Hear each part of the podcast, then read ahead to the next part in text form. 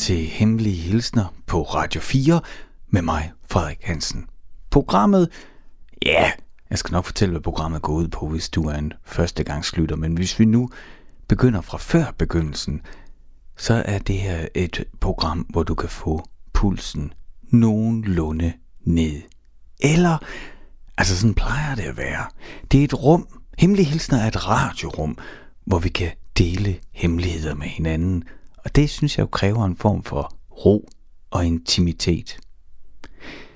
Konceptet er, at du kan skrive til mig en hemmelig hilsen. Du kan simpelthen sende en e-mail til hemmelig radio4.dk og så læser jeg din hemmelige hilsen op.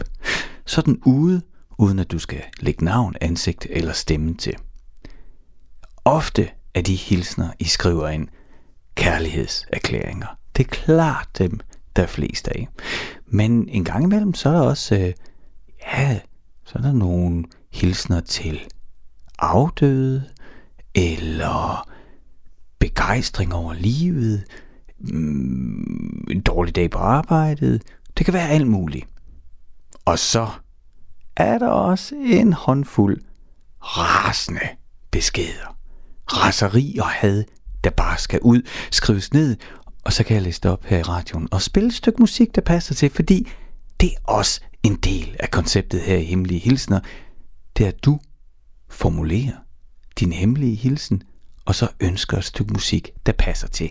Altså både fordi, at det her er jo godt nok, ja, jeg ved det godt, det er en taleradio. Og hvad laver der så musik på en taleradio? Hm, ja, altså, vi har jo lov til at spille lidt musik. Og jeg synes måske i virkeligheden, det er okay lige sådan et program som det her, og så pulje. Ja, det er sådan cirka halvdelen af tiden, der kommer blive, bliver brugt på at, at spille musik. Og, der, og, og den redaktionelle begrundelse, den er, at der er ting, man kan forfatte med ord selv. Men det er ikke altid, at følelserne helt skinner igennem de sætninger, man får banket ned. Og så er det jo så dejligt befriende, at der er folk derude, der har offret karriere og liv for at lave musik, som kan udtrykke, måske lige, nægte, lige netop den følelse, du har. Så derfor kan du skrive din hemmelige hilsen, og du kan ønske et stykke musik, der passer til, så læser jeg den op, og så spiller jeg musikken. Og så fik jeg jo sagt det der med raseri. For det her er en særlig udgave af Hemmelige Hilsner. Hemmelige Hilsner er jo ikke som program, der kommer fast hver tirsdag. Nej, det kommer, når der er et hul i sendeplanen. Det er et slags polyfylla-program. Du ved, ah, vi mangler lige noget der. Kan Frederik ikke lige hurtigt lave en omgang hemmelige hilsner? Og så gør jeg selvfølgelig det, for jeg har et dejligt stort arkiv med hilsner, som I har skrevet. Og til den her udsendelse, jamen, øh, der er det altså raseri, der er temaet.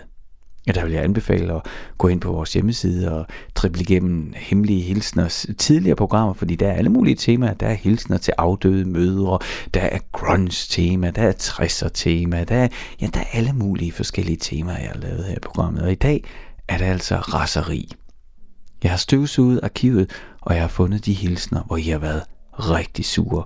Så dem har jeg tænkt mig at læse op, og så spille Ja, den musik, der passer til Så kunne man jo sikkert tro, at det ville være rasende punk det hele.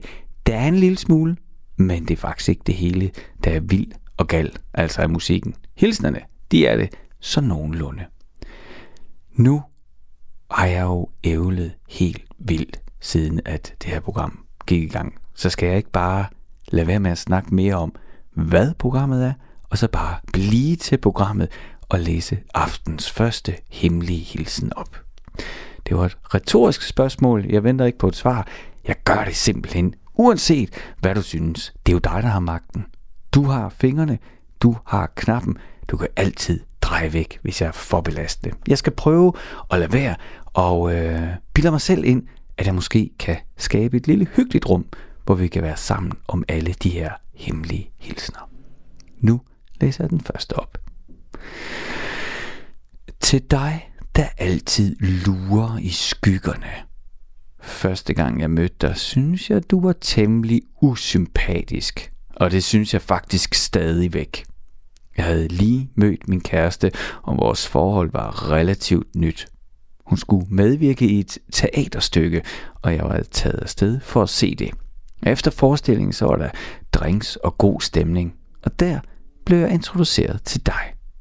Fra starten kunne jeg ikke lide dig, og da vi efterfølgende delte en taxa ind til byen, altså du og jeg og min kæreste, var stemningen helt utrolig underlig anspændt.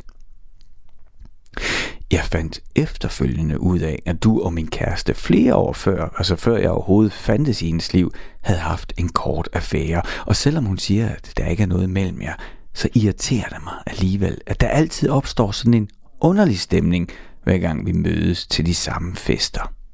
Vi forsøger altid at tale venskabeligt sammen, men der opstår altid en belastende rivalisering imellem os, og jeg vil ønske, at jeg var et større menneske, men det er jeg åbenbart ikke, og jeg kan virkelig ikke lide dig. Så vil du ikke spille Aviation med The Last Shadow Puppets. Så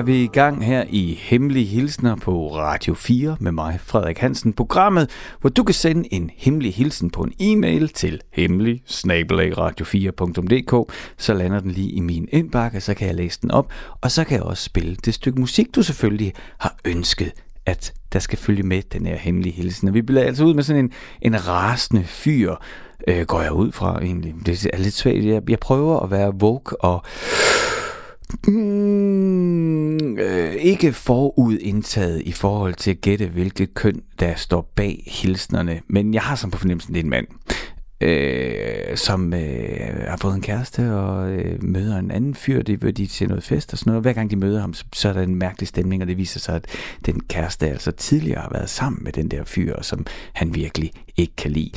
Mm, det var altså aftens første hemmelige hilsen. Og så var det Aviation med The Last Shadow Puppets. Og det er ikke helt tilfældigt, at jeg åbner med det. Altså, det er jo mig, der vælger de hemmelige hilsner ud af alt det, I sender ind. Og det er selvfølgelig de bedste hilsner, der kommer med, eller de sjoveste, eller de vildeste, eller de skøreste, eller dem, der lige passer til programmet. Og så hjælper det jo altså også, når man ønsker noget musik, som jeg godt kan lide. Og jeg elsker The Last Shadow Puppets.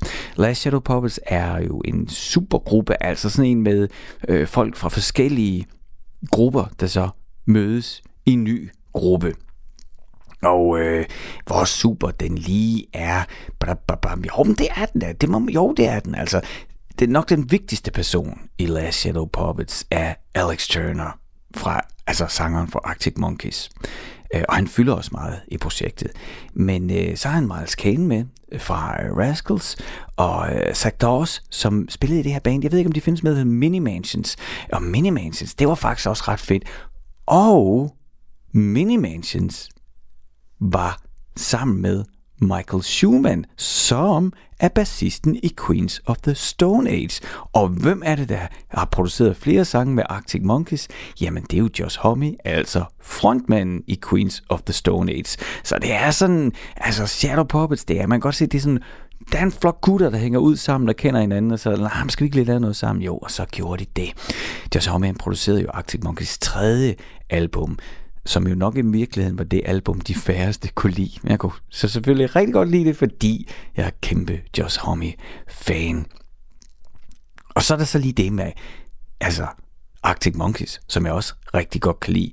Og lige, jeg havde navnet, og nu har jeg glemt det. Det kommer til mig, skal jeg nok sige det. Lige så kommer det. Jeg ved, jeg skal bare lade tankerne flyde. Øh, det går jo så ud over dig, når øh, det bliver til øh, øh, ja, uendelige ordstrømsroderier. Men altså, trommeslageren i Arctic Monkeys, hvad fanden er det? Nej, det kommer nemlig lidt. Han har også spillet sammen med Josh Homme og Iggy Pop, og trommeslageren i Arctic Monkeys er nok i virkeligheden det allerbedste ved Arctic Monkeys, men det er jo så min egen holdning. Det er jo sådan set også fint nok. Nå, men som sagt, så lytter du til Hemmelige Hilsner, hvor jeg læser jeres hemmelige hilsner op. Husk, du kan altid sende en e-mail til mig. Bare send den til hemmelig radio4.dk, og så lander den her, så kan jeg putte den i arkivet, så kan det være, at det er din hilsen, jeg finder frem og læser op her i radioen. Og så er det selvfølgelig også dig, der med til at bestemme, hvad det er for noget musik, vi skal lytte til. Første her, det var sådan en øh, rivalisering, og rigtig mange, som jeg også fik sagt i begyndelsen af programmet, af hilsnerne her i programmet, de øh, drejer sig omkring kærlighed ofte. Nu, nu skal vi til noget, jeg vil ikke sige, det er jo ikke endnu mere nært, fordi, eller pff, naboer det er også et godt øh, tema, ikke? Der, altså, der kan, der, det kan gå rigtig, rigtig galt. Så derfor, øh, ja, så lad jeg læse den her hemmelige op, som begynder sådan her. Til min sure nabo. Dig, der altid er klar til at brokke sig over det mindste. Dig, der har valgt at bo lige midt i byen, og alligevel ikke kan tåle noget støj overhovedet. Dig, der forventer, at vi alle skal tage vores larmende unger indenfor, når din kat er ude i gården. Dig, der aldrig er bange for at bagtale alle i huset. Den her hemmelige hilsen, den er til dig og til alle de sædler, du har sat op i opgangen. Tak, fordi du giver mig mulighed for at øve mig i at styre mit temperament og ikke lade mig hisse op over små ting. Og så gør jeg det alligevel. Den her sang, den hjælper mig. Den sætter jeg på, når du har pisset mig allermest af, og så tæsker jeg mine puder til Eds and Red in Tooth and Claw.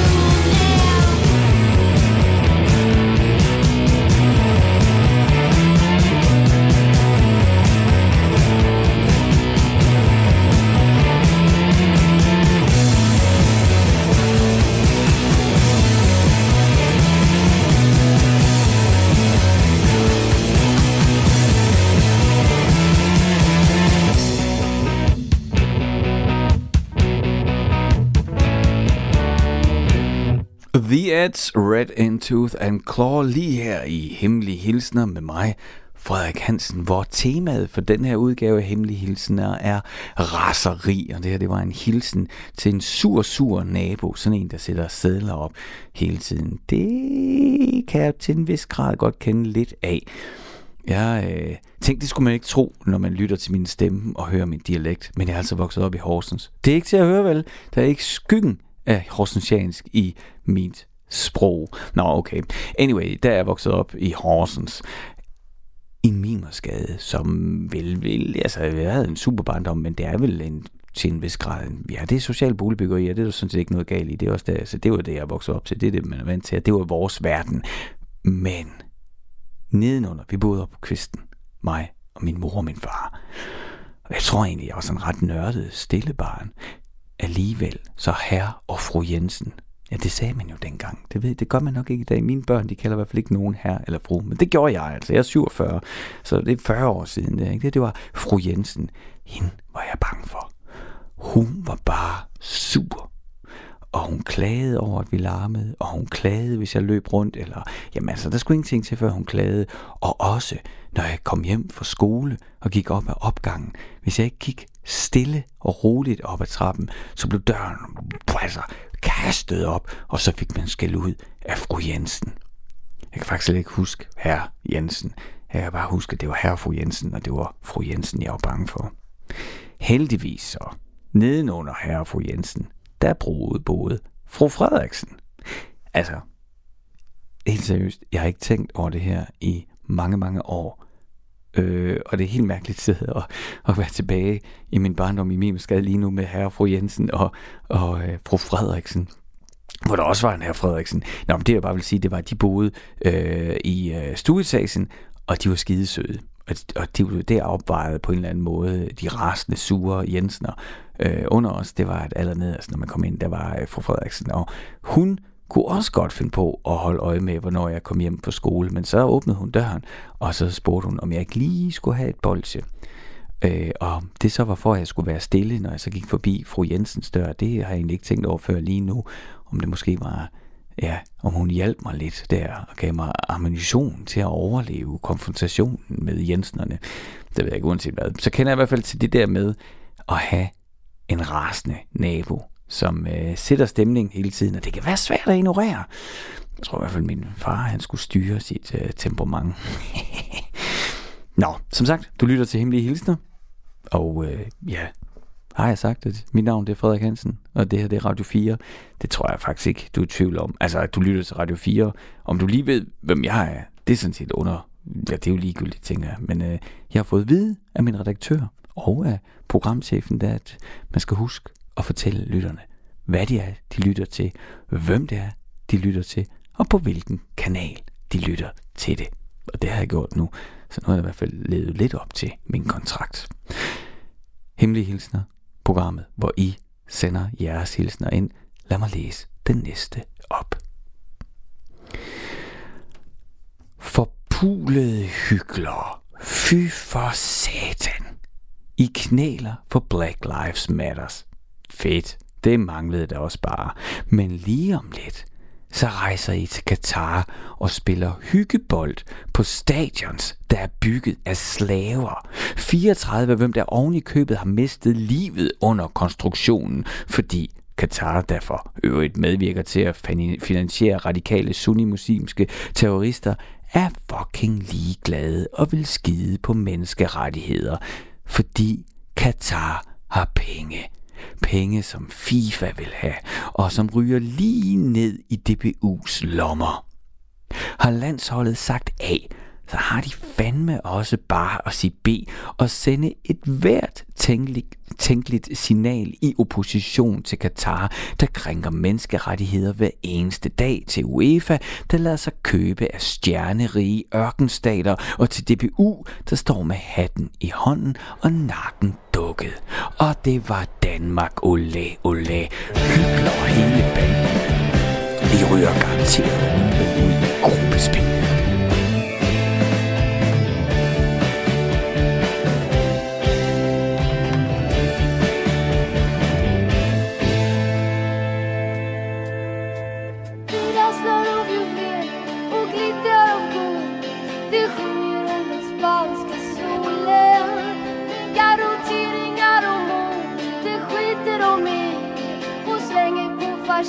Fascistkärr i.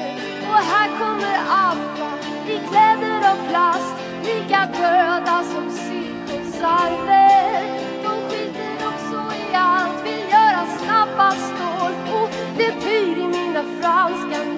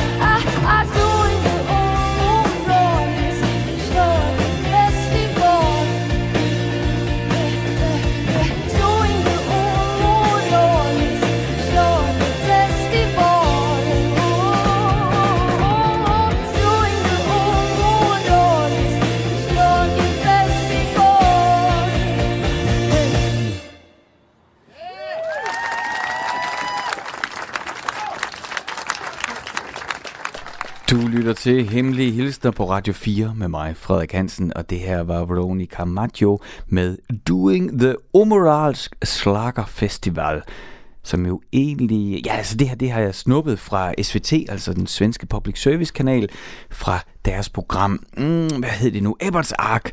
Ebbert var jo øh, forsangeren i øh, Union Carbide Production, og selvfølgelig det bedste nordiske rockband nogensinde, Soundtrack of Our Lives. Men han fik altså det her tv-program, som svarer til at få et, øh, ja, til, ligesom de der på TV2, og det er med stjerner, der mødes og synger en anden sang eller sådan noget. Ikke? Og så var det Veronica Maggio, som her så sang den gamle Silstriparen sang Doing the Omoralsk Slager Festival.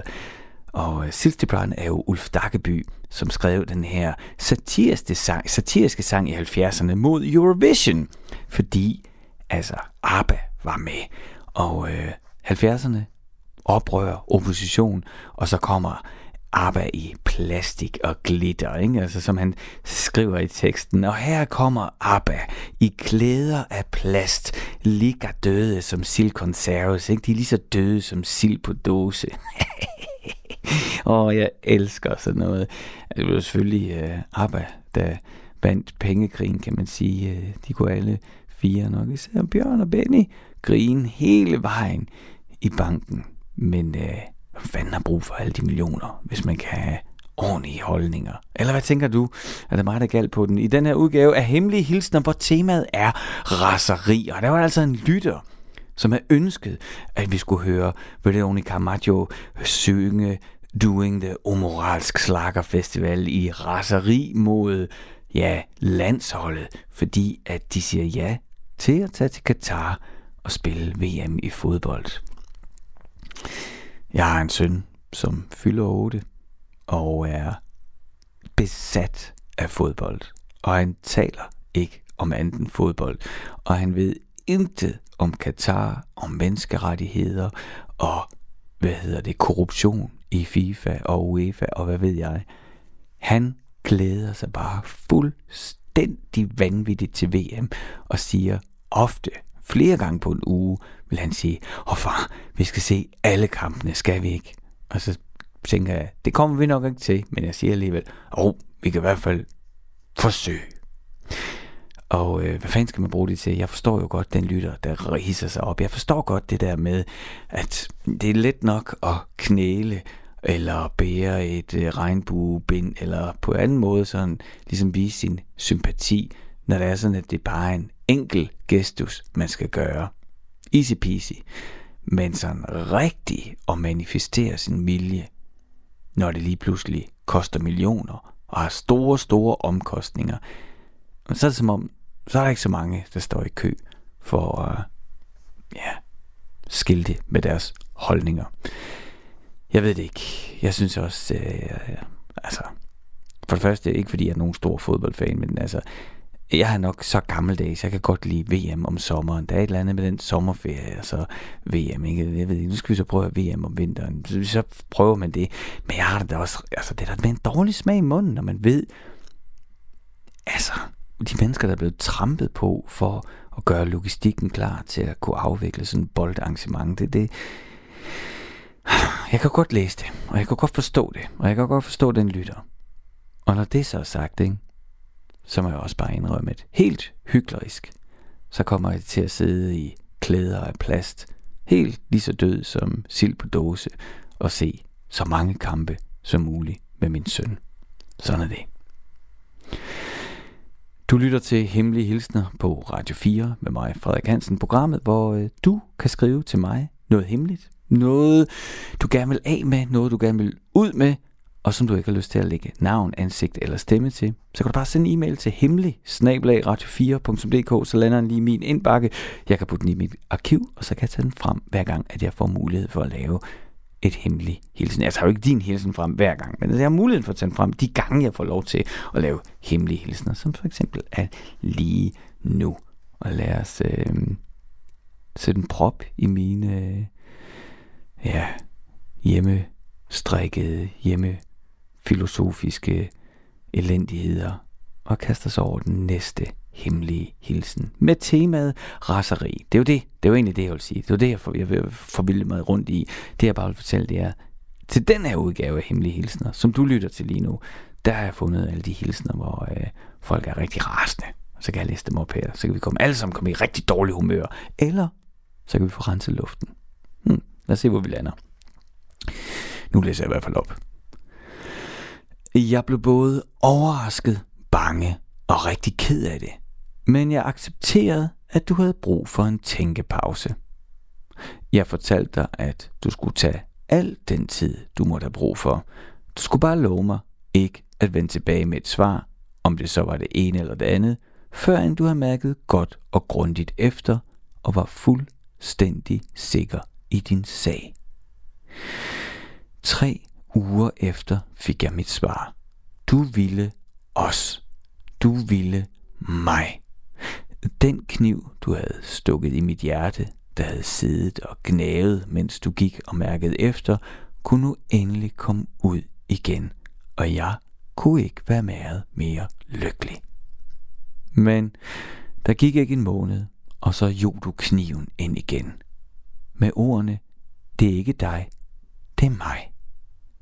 Ja tak, den har jeg luret nu, og alle knep gælder i krig og kærlighed, men jeg kendte dig åbenbart ikke så godt, som jeg troede.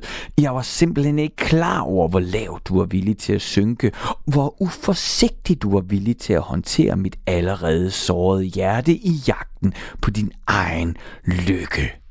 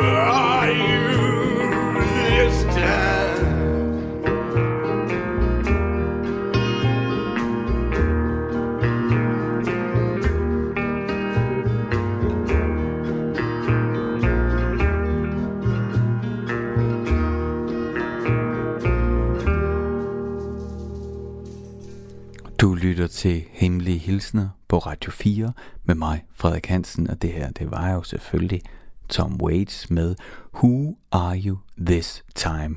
I en udgave af Hemmelige Hilsner, hvor temaet er raseri. Jeg har dykket ned i arkivet og fundet de mest sure, aggressive hemmelige hilsner frem, og dem læser jeg altså op i den her time og spiller musikken, der passer til den musik, som I har ønsket. Og her var det altså en lytter, som ja, var i et forhold, og så sagde den anden person, jeg har brug for at tænke over det. Så sagde lytteren, det er fint, tag al den tid, du vil have til at tænke over det. Bare lov mig, at når du kommer tilbage og med og vil fortælle, om du vil også eller ej, at du er så sikker. Og så kommer personen så tilbage og siger, jeg er sikker på, at jeg vil også. Og så en måned efter, så skrider personen igen, og der bliver vores lytter rigtig rasende. Og det kan jeg jo egentlig godt forstå.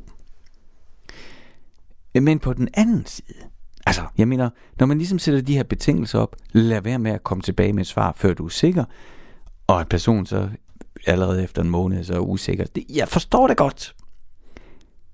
Men altså, lige det der med parforhold og kærlighed, der er sgu ikke meget øh, rationalitet og fairness der vel.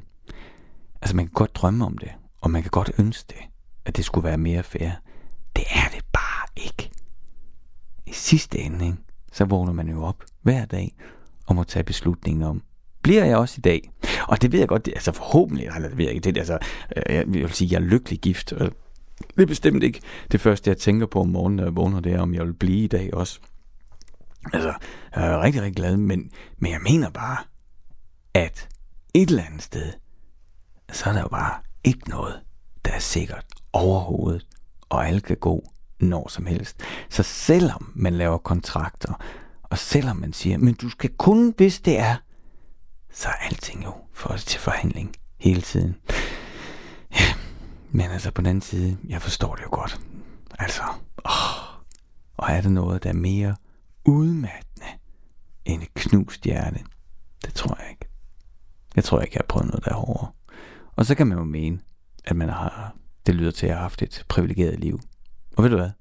Det har jeg også. Lad os gå videre med øh, de hemmelige hilsner. Som sagt, så er det hemmelige hilsner, du lytter til programmet, hvor jeg læser dine, jeres hilsner op, og hvor I kan ønske den musik, der passer til. Musik på en taleradio, spørger jeg så retorisk, og kan svare mig selv, ja, altså ikke hele tiden vel, men der er nogle programmer her på Radio 4, hvor halvdelen af tiden må bruges på at spille musik, og det her, det er altså et af dem. Så det skal man jo ligesom kunne holde ud. Til gengæld så vil jeg jo sige, at jeg bruger relativt meget energi på at udvælge de bedste hilsner, som også har musik, der både er Radio 4 egnet og passer ind i programmet.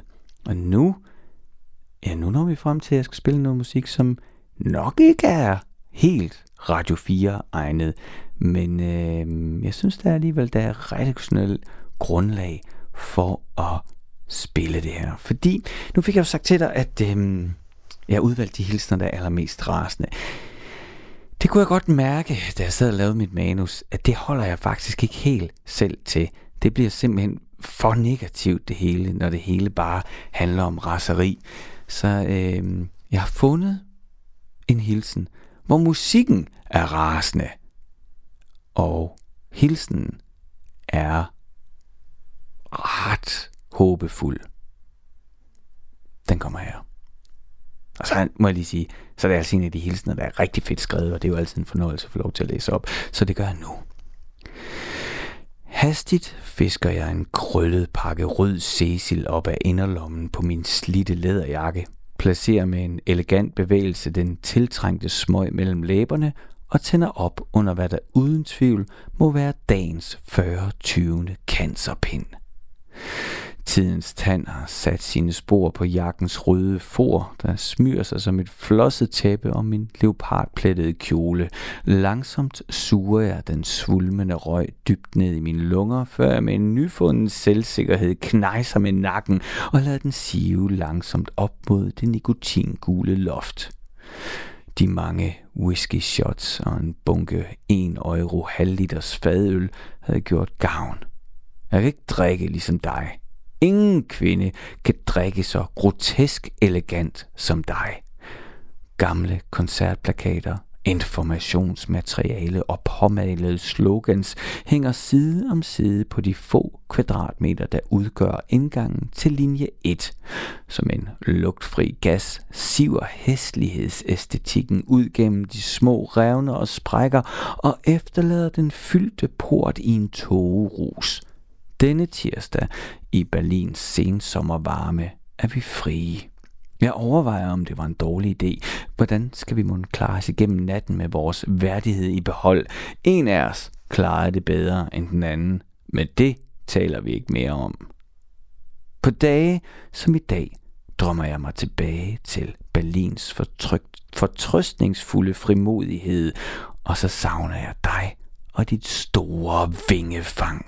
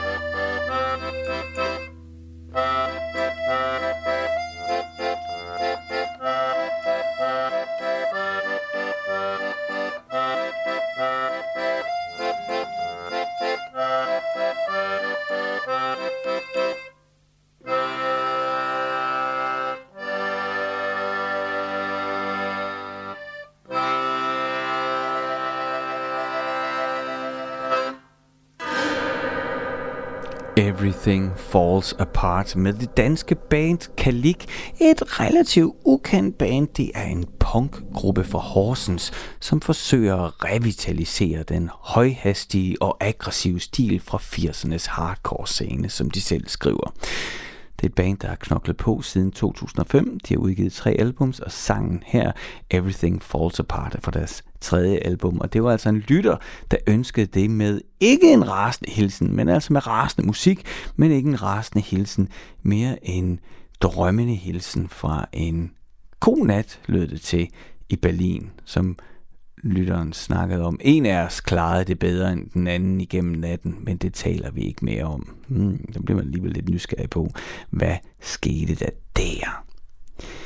Nå, det er langsomt ved at være slut for hemmelige hilsner for den her omgang.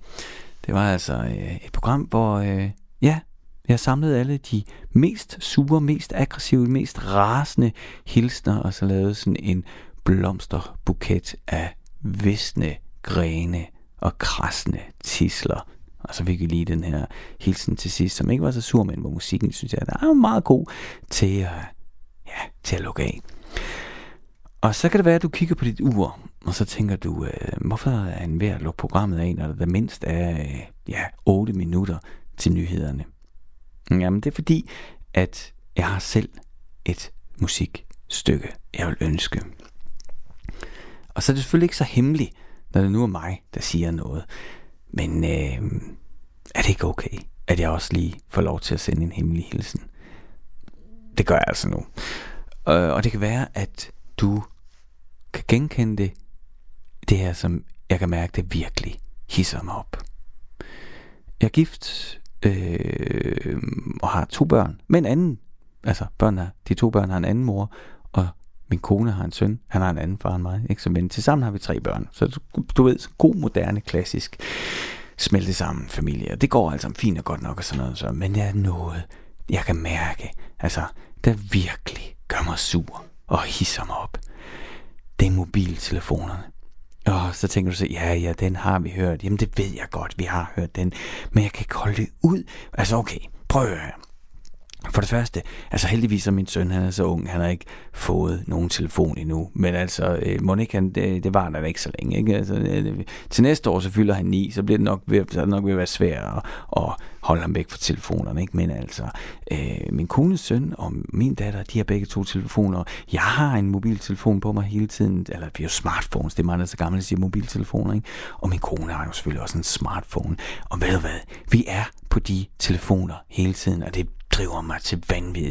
Vi kan ikke engang se en film, uden at de der telefoner kommer gang op hele tiden lige skal tjekkes. Og så skulle man sige, ja, ja, det er jo den nye generation. Nej, det er da også mig selv, og det er da også min kone. Altså, så så vibrerer den lige midt under en film, lige midt under en serie, lige midt under et eller andet. Altså sige, okay, stadigvæk spisesituationerne, der er der sådan en bred enighed om, at der kigger vi ikke på telefonerne. Men ellers, så kigger vi på de telefoner hele tiden. Prøv at høre, det er ægte ved at pisse mig af. Og jeg ved godt, at jeg er sent ude, og jeg ved godt, at vi har snakket om det her i 10 år. Jeg har selv lavet alle mulige seminarer, og, og ja, bla bla bla. Prøv, øh, jeg har haft et program her på øh, kanalen, der hedder Skærmtid, der netop snakket om, hvordan skal vi håndtere al den skærmtid, vores børn har. Men det her, det er også os. Det er, hold nu op. Jeg bruger mange timer på den telefon, og det irriterer mig. Timer, som hvad skulle du så bruge dem på? Det ved jeg ikke, men jeg vil næsten sige, det kan, kan det, det, det kan kun være bedre at kigge ud af vinduet, end at kigge ned i den der blå skærm. Og så tror jeg bare især, at det der med, når jeg er alene med min kone, og vi laver et eller andet sammen, så man alligevel aldrig helt alene sammen. For der er altid nogen på den telefon, der lige skriver noget, lige beder om noget eller noget. Der er altid uro. Der er altid nogen, der vil noget. Og jeg er simpelthen ved at være så træt af det.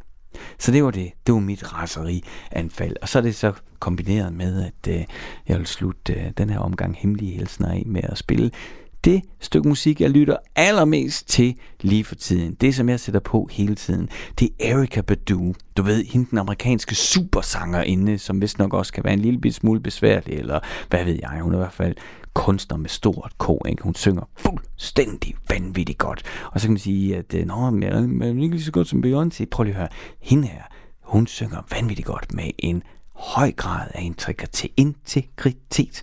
Så hvis du ikke kender Erika Badu, så er det bare med at komme i gang. Der ligger masser af gode ting og venter på dig. Og det her, jeg lytter til, det er min gode ven Carsten Sørensen, som sagde, hey, du skal lytte til det her mixtape. Der kommer telefonen, kan du høre Du skal lytte til det her mixtape, sagde han. Et mixtape med Erika Badu, hvor hun synger om sin telefon. Det er det, jeg lytter til hele tiden. Og det er simpelthen så godt. Og jeg, jeg tænker, jeg kan godt tillade mig at tale hende over den her irriterende telefonintro. For den er så irriterende som alle de telefoner omkring mig. Men det her stykke, det er nummer, det er det, der åbner mixtapet. Og der kommer et fantastisk break på et tidspunkt, hvor det bliver helt stille, og du tror, at din radio er gået i stykker, eller at jeg er gået hjem. Og så kommer koret. Det store Erika Badu-kor. Så nyd rejsen, og nyd pausen, og nyd, når hun blæser igennem.